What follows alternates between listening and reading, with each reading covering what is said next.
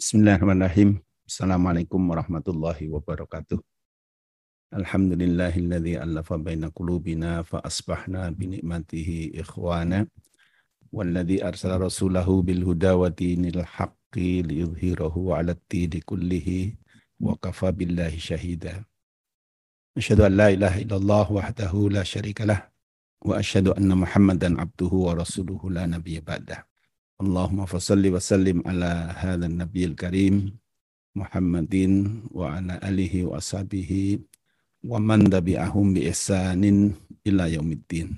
Bapak Ibu para peserta kajian tafsir Ahad pagi rahimakumullah kita masih melanjutkan kisah tentang Nabi Nuh yang dicantumkan di surat Hud Nah, surat Hud ini termasuk dalam surat Makiyah dan kemarin sudah saya sampaikan bahwa salah satu dari ciri surat Makiyah itu terdapat kisah nabi-nabi terdahulu. Dan kisah nabi-nabi terdahulu ini berfungsi untuk kepada Rasulullah untuk memperkuat, memperteguh semangat beliau di dalam menghadapi tantangan-tantangan di dalam tugas dakwahnya. Nah, bagi umatnya, bagi orang-orang yang didakwai oleh Rasulullah, ini sebagai sebuah peringatan bagaimana Allah mengambil tindakan terhadap kaum-kaum terdahulu yang ingkar terhadap ajakan para nabiullah. Nah, rujukan kita adalah tafsir Al-Munir Syekh Az-Zuhaili. Intiha utufan, berhentinya tofan. Ini bukan tofan moderator ya. Wanajat safinati dan selamatnya kapal.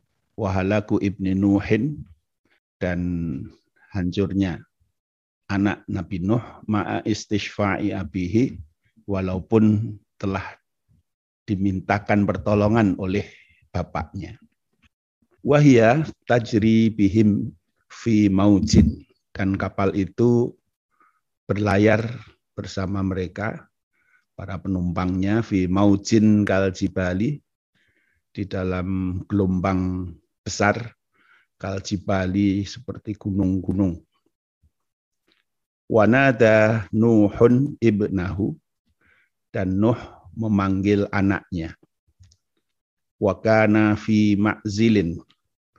Dan anaknya itu ada di tempat yang terpencil.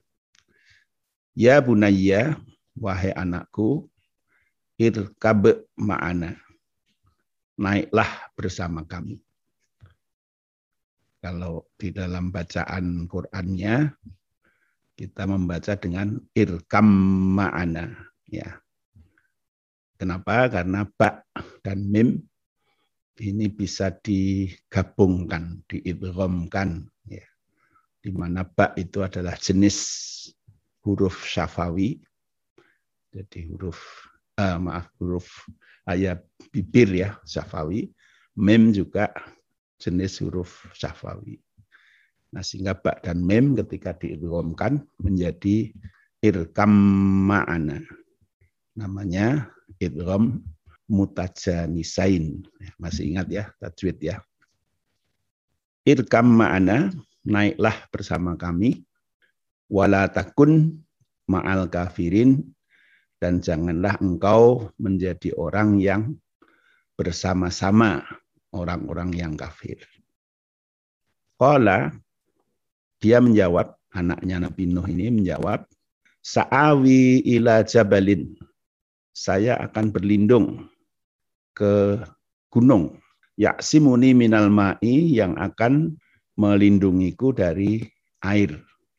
Kala Nuh mengatakan, La asimal yauma min amrillahi. Tidak ada yang bisa melindungi pada hari ini dari ketentuan Allah. Illa man rahimah. Kecuali Allah sendiri yang maha penyayang. Wahala bainahuma al-mauju. Kemudian gelombang menghalangi di antara keduanya. Fakana minal murokina, maka anak Nabi Nuh ini termasuk kelompok yang ditenggelamkan. Wakilah kemudian dikatakan, Ya ardu wahai bumi, ibla'i ma'aki. Telanlah kembali airmu. Waya sama'u dan wahai langit, akli'i berhentilah menurunkan air. Wa ma'u dan surutlah air itu.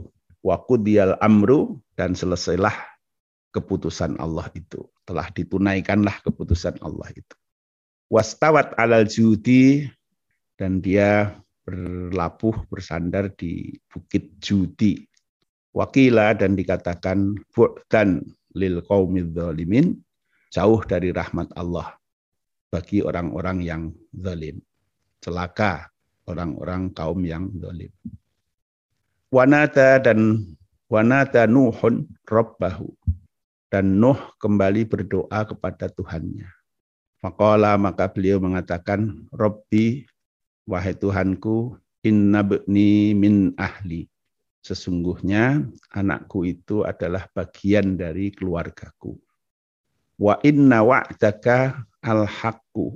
Dan sesungguhnya janjimu adalah benar. Wa anta ahkamul hakimin. Dan engkau adalah sebaik-baik pembuat keputusan. Qala, maka Allah menjawab, Ya Nuhu, wahai Nuh, innahu laisa min ahlika. Sesungguhnya dia, anakmu itu, laisa min ahlika. Bukanlah termasuk dari keluargamu. Innahu sesungguhnya perbuatan dia itu amalun ghairu salihin adalah perbuatan yang tidak baik. Fala tas'alni ma laisa laka bihi ilmun. Fala tas'alni maka janganlah engkau meminta kepadaku ma laisa laka bihi ilmun sesuatu yang engkau tidak mengetahui terhadapnya. Ini aiduka sesungguhnya aku menasihatimu antaku naminal jahilin agar engkau tidak termasuk orang-orang yang bodoh. Qala berkata Nuh, Rabbi inni a'udzubika. Ya Rob, sesungguhnya aku berlindung kepadamu an as'alaka ma laisa bihi ilmun dari permintaan yang aku tidak tahu terhadapnya. Wa illa taghfirli dan jika engkau tidak mengampuniku, watarhamni dan merahmatiku, mengasihiku, akun, maka aku akan menjadi minal khosirin, bagian dari orang-orang yang merugi. Sadaqallahul alim. Al-munasabah. Ba'ta'an amara Nuh alaihissalam ahlahu wal mu'minin biruku bis safinati qailina bismillahi aqabahu bitaswirin ilahiyin ra'iin lisairis safinah wasatul miyah. Jadi setelah Nuh memerintahkan keluarganya dan orang-orang mukmin untuk naik di perahu itu dengan mengatakan bismillah, maka diikuti oleh sebuah gambaran dari Allah SWT yang luar biasa terhadap perjalanan perahu itu di tengah-tengah air datal amwajil adimati yang memiliki gelombang-gelombang yang besar. Bisa babir riyahi syadidatil asifati karena angin ya disebabkan oleh adanya angin yang sangat kencang wa bikos dibayani syiddatil hauli wal faza dan dengan tujuan untuk menggambarkan tentang beratnya penderitaan dan ya, faza ya penderitaan pada saat itu. Di bencana yang terjadi saat itu luar biasa wahya tasri bihim fi maujin kal jadi digambarkan di dalam ayat ini As-safinatu tajri bi sur'atin sa'iratin bihim ala wajhil ma' alladzi qattaba jami'al. Jadi perahu itu berjalan dengan cepat di permukaan air yang telah memenuhi permukaan bumi. Hatta tafat ala ru'usil jibal sehingga bahkan air itu sampai ke puncak-puncak gunung. Wartafa 'alaiha bi khamsati asyri dhira'in dan naik air itu dengan 15 dhira' Wakila bisa mani namilan. Dan ada yang mengatakan dengan 80 mil. Inna hatta bihim wasatu amwajin kal jibali syahiqati fi irtifaiha wa admi hajmiha. Di perahu ini berjalan di tengah-tengah gelombang yang besarnya itu seperti gunung-gunung dalam tingginya itu. Wahada yatullu ala husuli riyahin asifatin syatidatin hinadha. Ini sebagai akibat dari angin yang cukup kencang pada saat itu. Wal maksud bayanu syiddatil haul wal faza. Jadi gambaran ini dimaksudkan untuk memberikan gambaran tentang bagaimana suasana bencana saat itu yang begitu berat. Wahya tasiru biidnillahi wa tahtakan fihi wa riayatihi wa hirasatihi. Dia berjalan dengan izin Allah di bawah pengawasan, riayah, penjagaan Allah taala sebagaimana disebutkan di Al-Haqqah inna lamma tawal ma'u hamalnakum fil jariyah.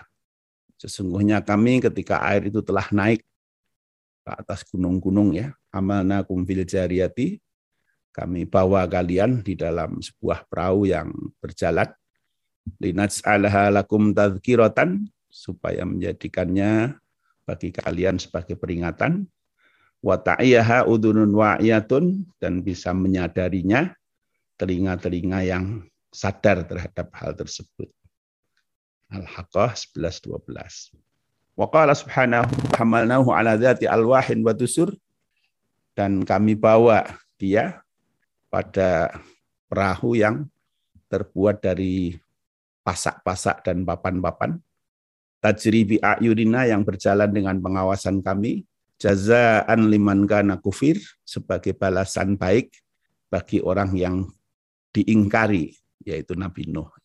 Walaqad taroknaha ayatan dan sungguh perahu itu telah kami tinggalkan sebagai sebuah tanda fahal min mutakir apakah ada orang yang mau mengambil pelajaran.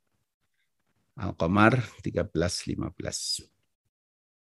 Jadi di dalam surat Al-Qamar ini diungkapkan bahwa perahu itu kemudian kami tinggalkan sebagai tanda bagi orang-orang berikutnya ya.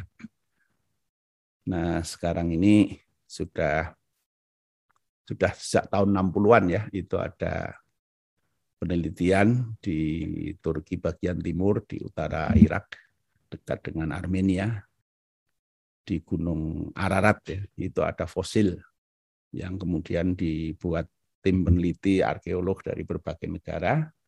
Nah, kecenderungannya mereka akan mereka cenderung untuk mempercayai bahwa ini adalah fosil dari perahunya Nabi Nuh itu.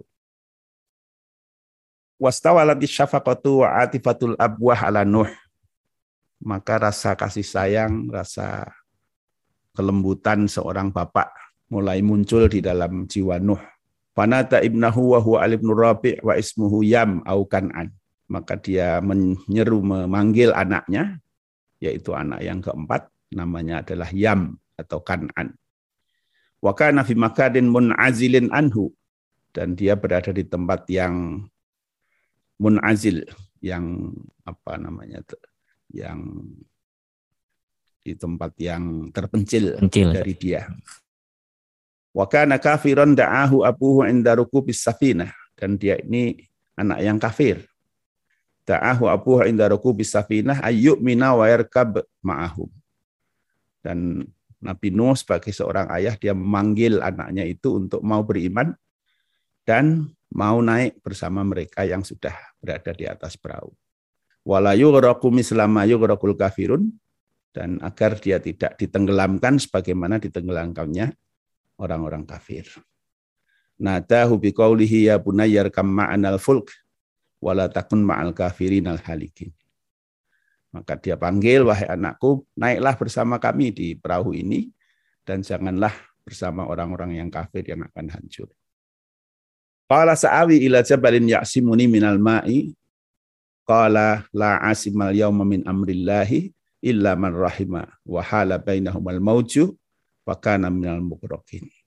Farada Ali bin Al-Asi alaihi qailan sa'awi wa asiru ila jabalin yahfiduni minal gharaq yahfaduni minal gharaqi fil ma. Anak yang siat ini, anak yang membangkang ini berkata, saya akan menyelamatkan diri dan akan pergi ke gunung yang akan menjagaku dari tenggelam di air ini. Zannan minhu annahuma usailin atin yumkinun najata minhu bitahassun fi makanin alin au jabalin syamihin. Dia mengira bahwa ini adalah banjir biasa yang orang bisa selamat dengan melindungi diri di tempat yang tinggi atau di gunung yang tinggi. Fa'ajabahu Nuhun alaihissalam laisa syai'un yu'simu al-yawma min amrillahi wa adabi. Maka Nuh mengatakan tidak ada sesuatu yaksimu al-yauma yang bisa melindungi pada hari ini dari ketentuan Allah dan dari azabnya. Alladzi yu'aqibu bihil kafirin, yu'aqabu bihil kafirin yang akan mengikop dengan azab ini orang-orang kafir. Lakin yahfadu min rahman rahimallah. Tapi yang akan bisa melindungi adalah orang yang dirahmati Allah. Wa man rahimahullahu fahuwa al-ma'sum. Orang yang dirahmati Allah merekalah yang akan terjaga. Ai illa makana man rahimallahu minal mu'minin. Jadi tidak ada tempat yang bisa melindungi kecuali tempat orang-orang yang dirahmati Allah dari kalangan orang mukmin. Wa kana lahum ghafuran rahima dan adalah Allah Maha Pengampun, Maha Penyayang terhadap mereka ini ghafuran lidzunubihim rahiman bihim idza tabu wa anabu. Yang memberi ampunan terhadap dosa-dosanya, penuh kasih sayang ketika mereka ini bertaubat dan mendekatkan diri kepada Allah. Au illar rahima wa huwa Allah atau bisa dimaknai juga ilaman rahima itu kecuali adalah yang maha pengasih yang bisa melindungi itu yaitu Allah. Wakila in asima bimakna maksum. Dan ada yang menyatakan bahwa lafal in asima itu dimaknai maksum kama yuqalu imun wa kasun bimakna matumun wa maksuun wa halal ma alladhi bada ayat tafi bainal walid wal walad asna an niqash maka minal mughraqin maka muncullah air besar ya gelombang besar yang naik yang menghalangi antara orang tua dan anak ini ketika mereka sedang berdiskusi maka naminal mughrokin al halikin, maka jadilah anak Nabi Nuh ini termasuk orang-orang yang tenggelam, yang hancur. Wa al mandor ar-rahib, betapa luar biasanya uh, pemandangan ini ya. Ma'un yan hamir minas sama, air yang mengucur dari langit, wa ardun tatafajjaru bil miyah, dan bumi yang me membuka atau memunculkan air-air menyemburkan air fayartafi'u hatta yughta a'alil jibal. Nah, sehingga naiklah air itu sehingga menutup uh, puncak-puncak gunung. Wayuh mirul ard dan menutup seluruh permukaan bumi. Wakila ya ardu bla'i ma'aki wa ya sama'u aqli'i wa ghidal ma' wa qudiyal amr wastawat alal judi wakila bu'tan lil qawmi dhalimin. Walamma araqa ahlul ardi kullihim kulluhum illa ashabas safinah amarallahu al-ardha an tablugha ma'aha allati naba'a minha wastama 'alaiha. Nah, setelah seluruh penduduk bumi itu tenggelam kecuali yang naik di perahu, maka Allah kemudian memerintahkan bumi untuk menelan airnya yang muncul dari bumi itu wastama 'alaiha dan mengumpulkannya. Wa amaros sama antakla'a anil motor dan memerintahkan langit untuk berhenti hujan Wa nita al alwi ya ardib la'i ma'aki alladhi tafjur minka wa ya sama ukaffi anil matar faghadal ma'u aina qasar. Maka muncullah seruan dari langit, wahai bumi, telanlah kembali airmu yang telah muncul darimu dan wahai langit, tahanlah dirimu dari hujan. Faghadal ma'u aina. Maka berkuranglah air itu imtisalan lil amri wa qudiyal amr jadi air itu berkurang atas perintah Allah dan dial amru dan telah terlaksanalah ketetapan Allah. Ai wa anjaza ma wa'adallahu Nuhan min halaki qaumih dzalimin. Allah telah memenuhi janjinya kepada Nuh yaitu dihancurkannya kaumnya yang zalim.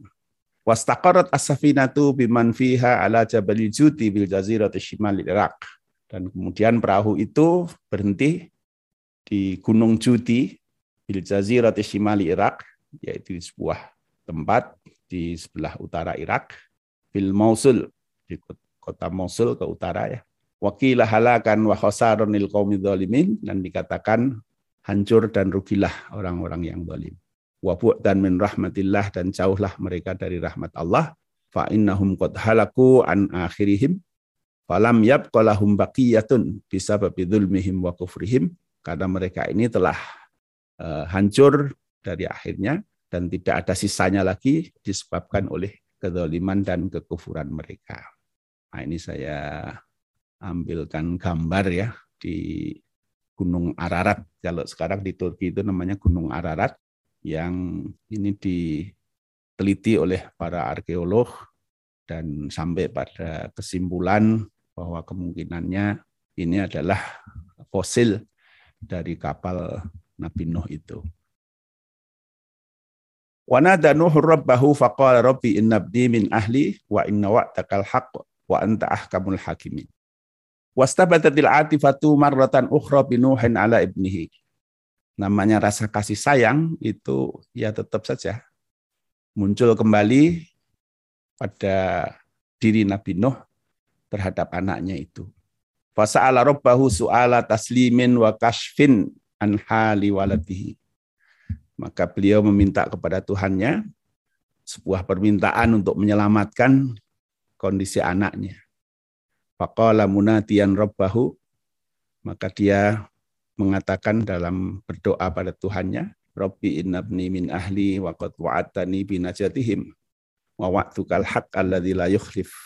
Fama masiruhu wa anta ahkabul hakimin wa a'taluhum bil haqq. Wahai Tuhanku, sesungguhnya anakku ini adalah keluargaku. Dan engkau telah menjanjikan bahwa keluargaku ini akan diselamatkan. Dan janjimu itu benar, yang tidak pernah diingkari. Wama masiruhu wa antah kamul hakim. Maka bagaimana perjalanan dia dan engkau adalah ahkamul hakim. Pembuat ketetapan yang paling bijak. Wa adaluhum bil haq dan yang paling adil dalam kebenaran Fahukmuka yasturu an kamalil ilmi wal hikmah. Ketetapanmu muncul dari kesempurnaan pengetahuan dan hikmah. Watamamil adli wasawab. Dan kesempurnaan keadilan dan kebenaran. Hakam ta'ala qawmin bin najah wa ala qawmin bil. Engkau telah tetapkan terhadap satu kaum untuk selamat dan pada kaum yang lain untuk tenggelam. Jadi Nabi Nuh ya masih jadi anaknya empat ya. Anaknya empat, kemudian satu ini anak yang paling kecil ini yang tidak mau bersama-sama dengan kakak-kakaknya yang lain yang masuk di dalam perahu Nabi Nuh. Jadi sebagai seorang ayah dia tetap berpikir eh, ya Allah engkau di dalam ayat sebelumnya kan eh, Nabi Nuh dikatakan bahwa ajaklah keluargamu ya keluargamu untuk masuk di dalam perahu itu. Nah kemudian diajak keluarganya ya, kecuali istrinya. Istrinya kan memang sudah ditegaskan tidak akan masuk karena dia termasuk yang kufur. Ya. Nah, Nabi Nuh berpikir semua anaknya akan ikut, tapi ternyata ada satu anaknya ini yang tidak mau ikut. Nah, sehingga beliau masih kepikiran, ya Allah, engkau kan janji bahwa anak-anakku akan diselamatkan. Ya. Tapi kenapa masih ada satu yang tidak bisa selamat? Qala ya Nuhu innahu laisa min ahlik. Allah menjawab dengan tegas, bahwa ya Nuhu inna ibnaka laysa min ahlika alladzina wa'adtu bi injaihim li anni inna ma wa'adtuka bi najati man amana min ahlika. Wahai Nuh, anakmu yang ini tidak termasuk orang-orang yang aku janjikan untuk diselamatkan. Karena janjiku menyelamatkan orang yang bersama yang beriman dari keluargamu. Wabnuka dzu amalin ghairi salih ay tangkiru li ta'watil huda wassalah. Nah, sedangkan anakmu ini berbuat dengan yang tidak baik. Tanak karo ya, dia menolak terhadap ajakan kepada hidayah dan kebaikan. Wandamma ma'al kafirin dan dia lebih suka bergabung dengan orang-orang kafir. Wahada ta'lilun lintifa'i kaunihi min ahlihi. Dan ini adalah alasan tidak memasukkan anak yang keempatnya itu dari keluarga Nabi Nuh. Qala jumhur laisa min ahli dinika wala walayatuka fahuwa ala hadfin mudaf.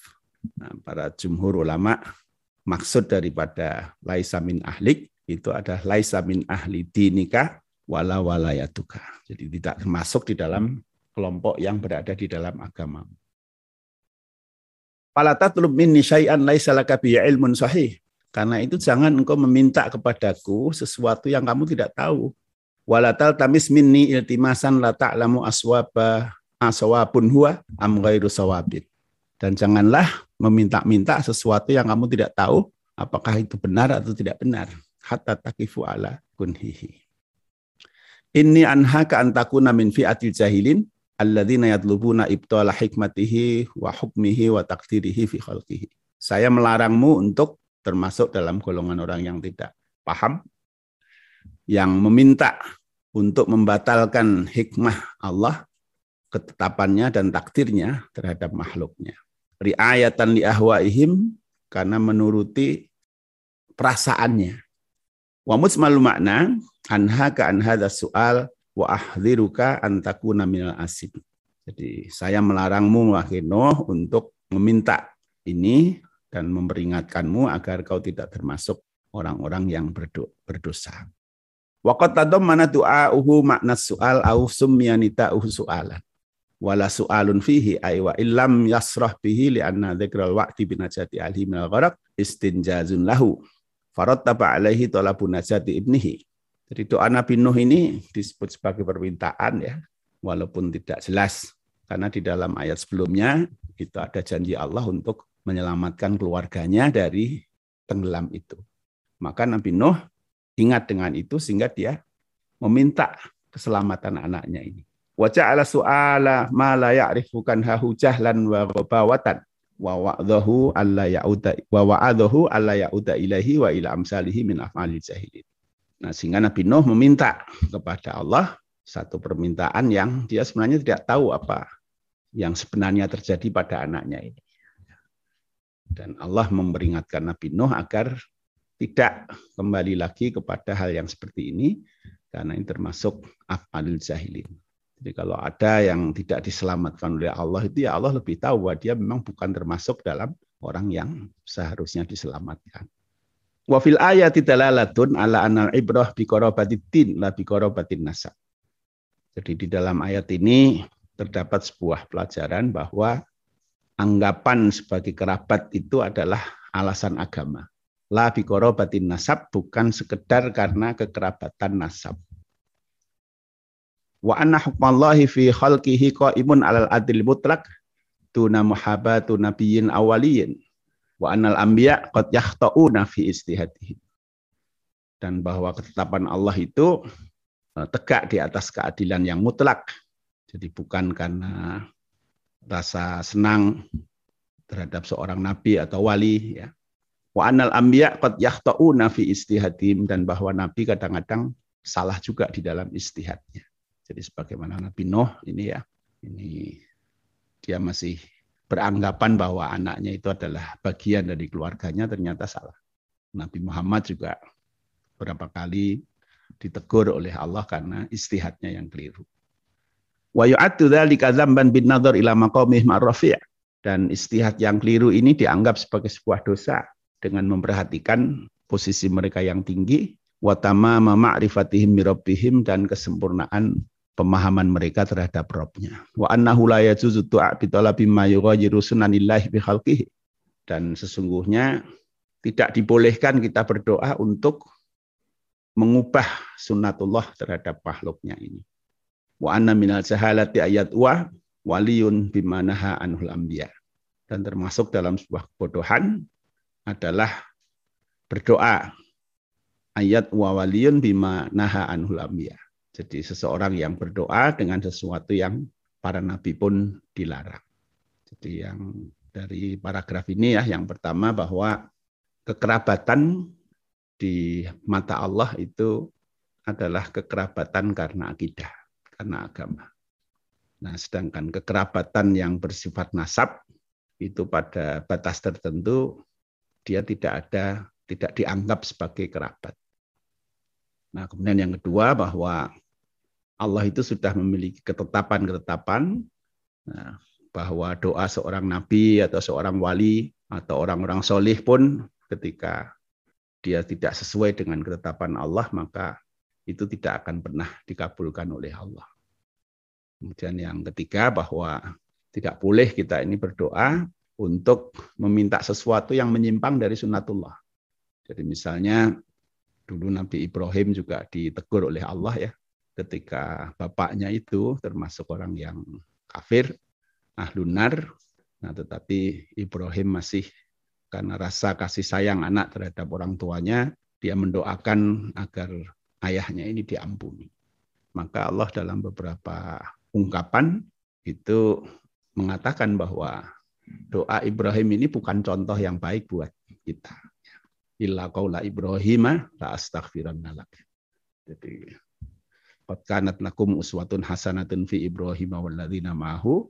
Jadi ada contoh yang baik dalam kisah Ibrahim dan orang-orang yang beriman bersama Ibrahim itu ketika ini ini ini ini ya surat mumtahanah itu. Tetapi ada ilahnya kecuali ya illa qaula Ibrahim ali abihi la astaghfiranna laka.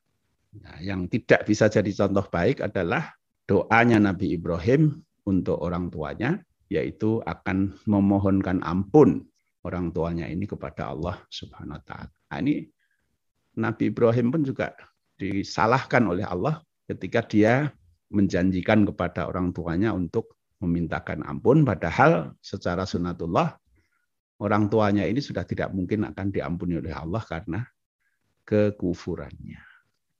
Wa hadha yadullu ala ghayati taqri wa nihayati zajar wa ala ja'lil jahli kinayatan an dzambi wa huwa amrun amrun masyhurun fil Quran. Ini peringatan keras ya terhadap Nabi Nuh dan juga pada kita semua dan ungkapan al-jahlu sebagai kata ganti terhadap dosa Nah, ini sesuatu yang banyak dipakai di Quran. Jadi misalnya di surat Al-Baqarah ayat 67, A'udzu billahi an aku naminal jahilin. Jadi jahilin itu maksudnya adalah orang yang berdosa. Wa qala ya'maluna su'a bi jahalatin. Bi jahalatin ay bi ismin. Wa yahmilu kullama sadara min nuhin wa ghairihi min khata'il istihad ala tarkil afdal wal akmal wa hasanatil abror sayyiatul muqarrabin wa bina'un alaihi hasala al itab wal amru bil istighfar. Jadi apa yang terjadi pada Nabi Nuh dan lain-lain dari kesalahan istihad yaitu meninggalkan yang lebih utama dan lebih sempurna, maka ada perintah untuk istighfar. Amru ala dzambin. Dan ini tidak menunjukkan tentang adanya dosa yang ada sebelumnya ya. Jadi perintah beristighfar itu tidak selalu menunjukkan adanya dosa ya. Misalnya di surat An-Nasr, idza jaa nasrullah nanti ada wastaghfirhu. Di Rasulullah diperintah untuk beristighfar bukan karena dosa ya. Wa ma'lumun anna maji anasrillahi wal fathi wa dukhulin nas fi dinillahi afwajan laisat bidzambin yujabul istighfar. Jadi kita tahu bahwa datangnya pertolongan Allah, kemenangan, masuknya orang ke dalam agama Allah secara bergelombang itu bukan dosa yang mewajibkan istighfar. Contoh lain, wastaghfir lidzambika walil mu'minin wal mu'minat surat Muhammad. Walaysa jami'uh mudnibin. Jadi bukan berarti bahwa nabi, orang-orang mukmin dan mukminat itu berdosa semua. Dzalika ala istighfar qad yakunu bisa babi tarkil. Jadi kadang-kadang istighfar itu diperintahkan karena kita meninggalkan sesuatu yang lebih utama jadi belum sampai dosa tetapi kita tinggalkan hal-hal yang sama. Qala rabbi inni a'udzu bika an as'alaka ma laysa li bihi ilmun wa illa taghfirli wa tarhamni akun minal khasirin. Lidha talaba Nuh al-maghfirah min rabbih. Oleh karena itu Nuh kemudian meminta ampunan dari Tuhannya. Maka beliau berkata, qala rabbi inni a'udzu bika. Ai qala Nuh rabbi inni altaji'u ilaika wa asta'idu bika bi jalalika an as'alaka ma laisa bihi ilmun sahih. Saya kembali kepadamu, berlindung kepadamu dan dengan keagunganmu untuk meminta sesuatu yang kami tidak tahu tentang tidak tahu dengan dasar pengetahuan yang benar. Wa illam taghfirli dzamba su'ali hadza jika engkau tidak mengampuni kesalahan dari permintaanku ini wa tarhamni biqabuli taubati wa inabati dan merahmatiku dengan menerima taubatku dan kembaliku kepadamu, akun minal khosirina amala, maka aku akan termasuk orang-orang yang rugi amalannya. Baik ini Bapak Ibu, tafsir ayat per ayat dari surat Hud ayat 40 berapa tadi 42 ya sampai 47.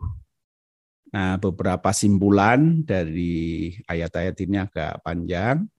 Saya kira hal yang penting untuk saya sampaikan mungkin yang ditegaskan kembali ya. Ini yang poin nomor 6 ya. Inna robitotatin akwa min robitotin nasab. Sesungguhnya ikatan agama itu jauh lebih kuat daripada ikatan nasab. Wala ala qatalis salahi wa taqwa bil warosati wal ansab tidak ada hubungan antara kebaikan dan ketakwaan itu dengan kewarisan dan nasab-nasab. Ya.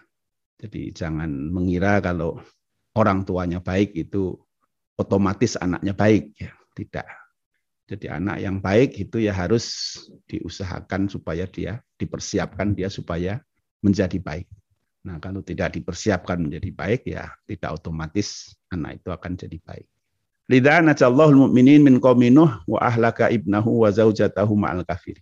Nah, oleh karena itu Allah menyelamatkan orang-orang mukmin dari kaum Nuh walaupun dia bukan anaknya, bukan nasabnya, bukan bukan apa-apanya ya secara nasab, tetapi mereka itu ada robitotuddin, jadi ikatan keimanan.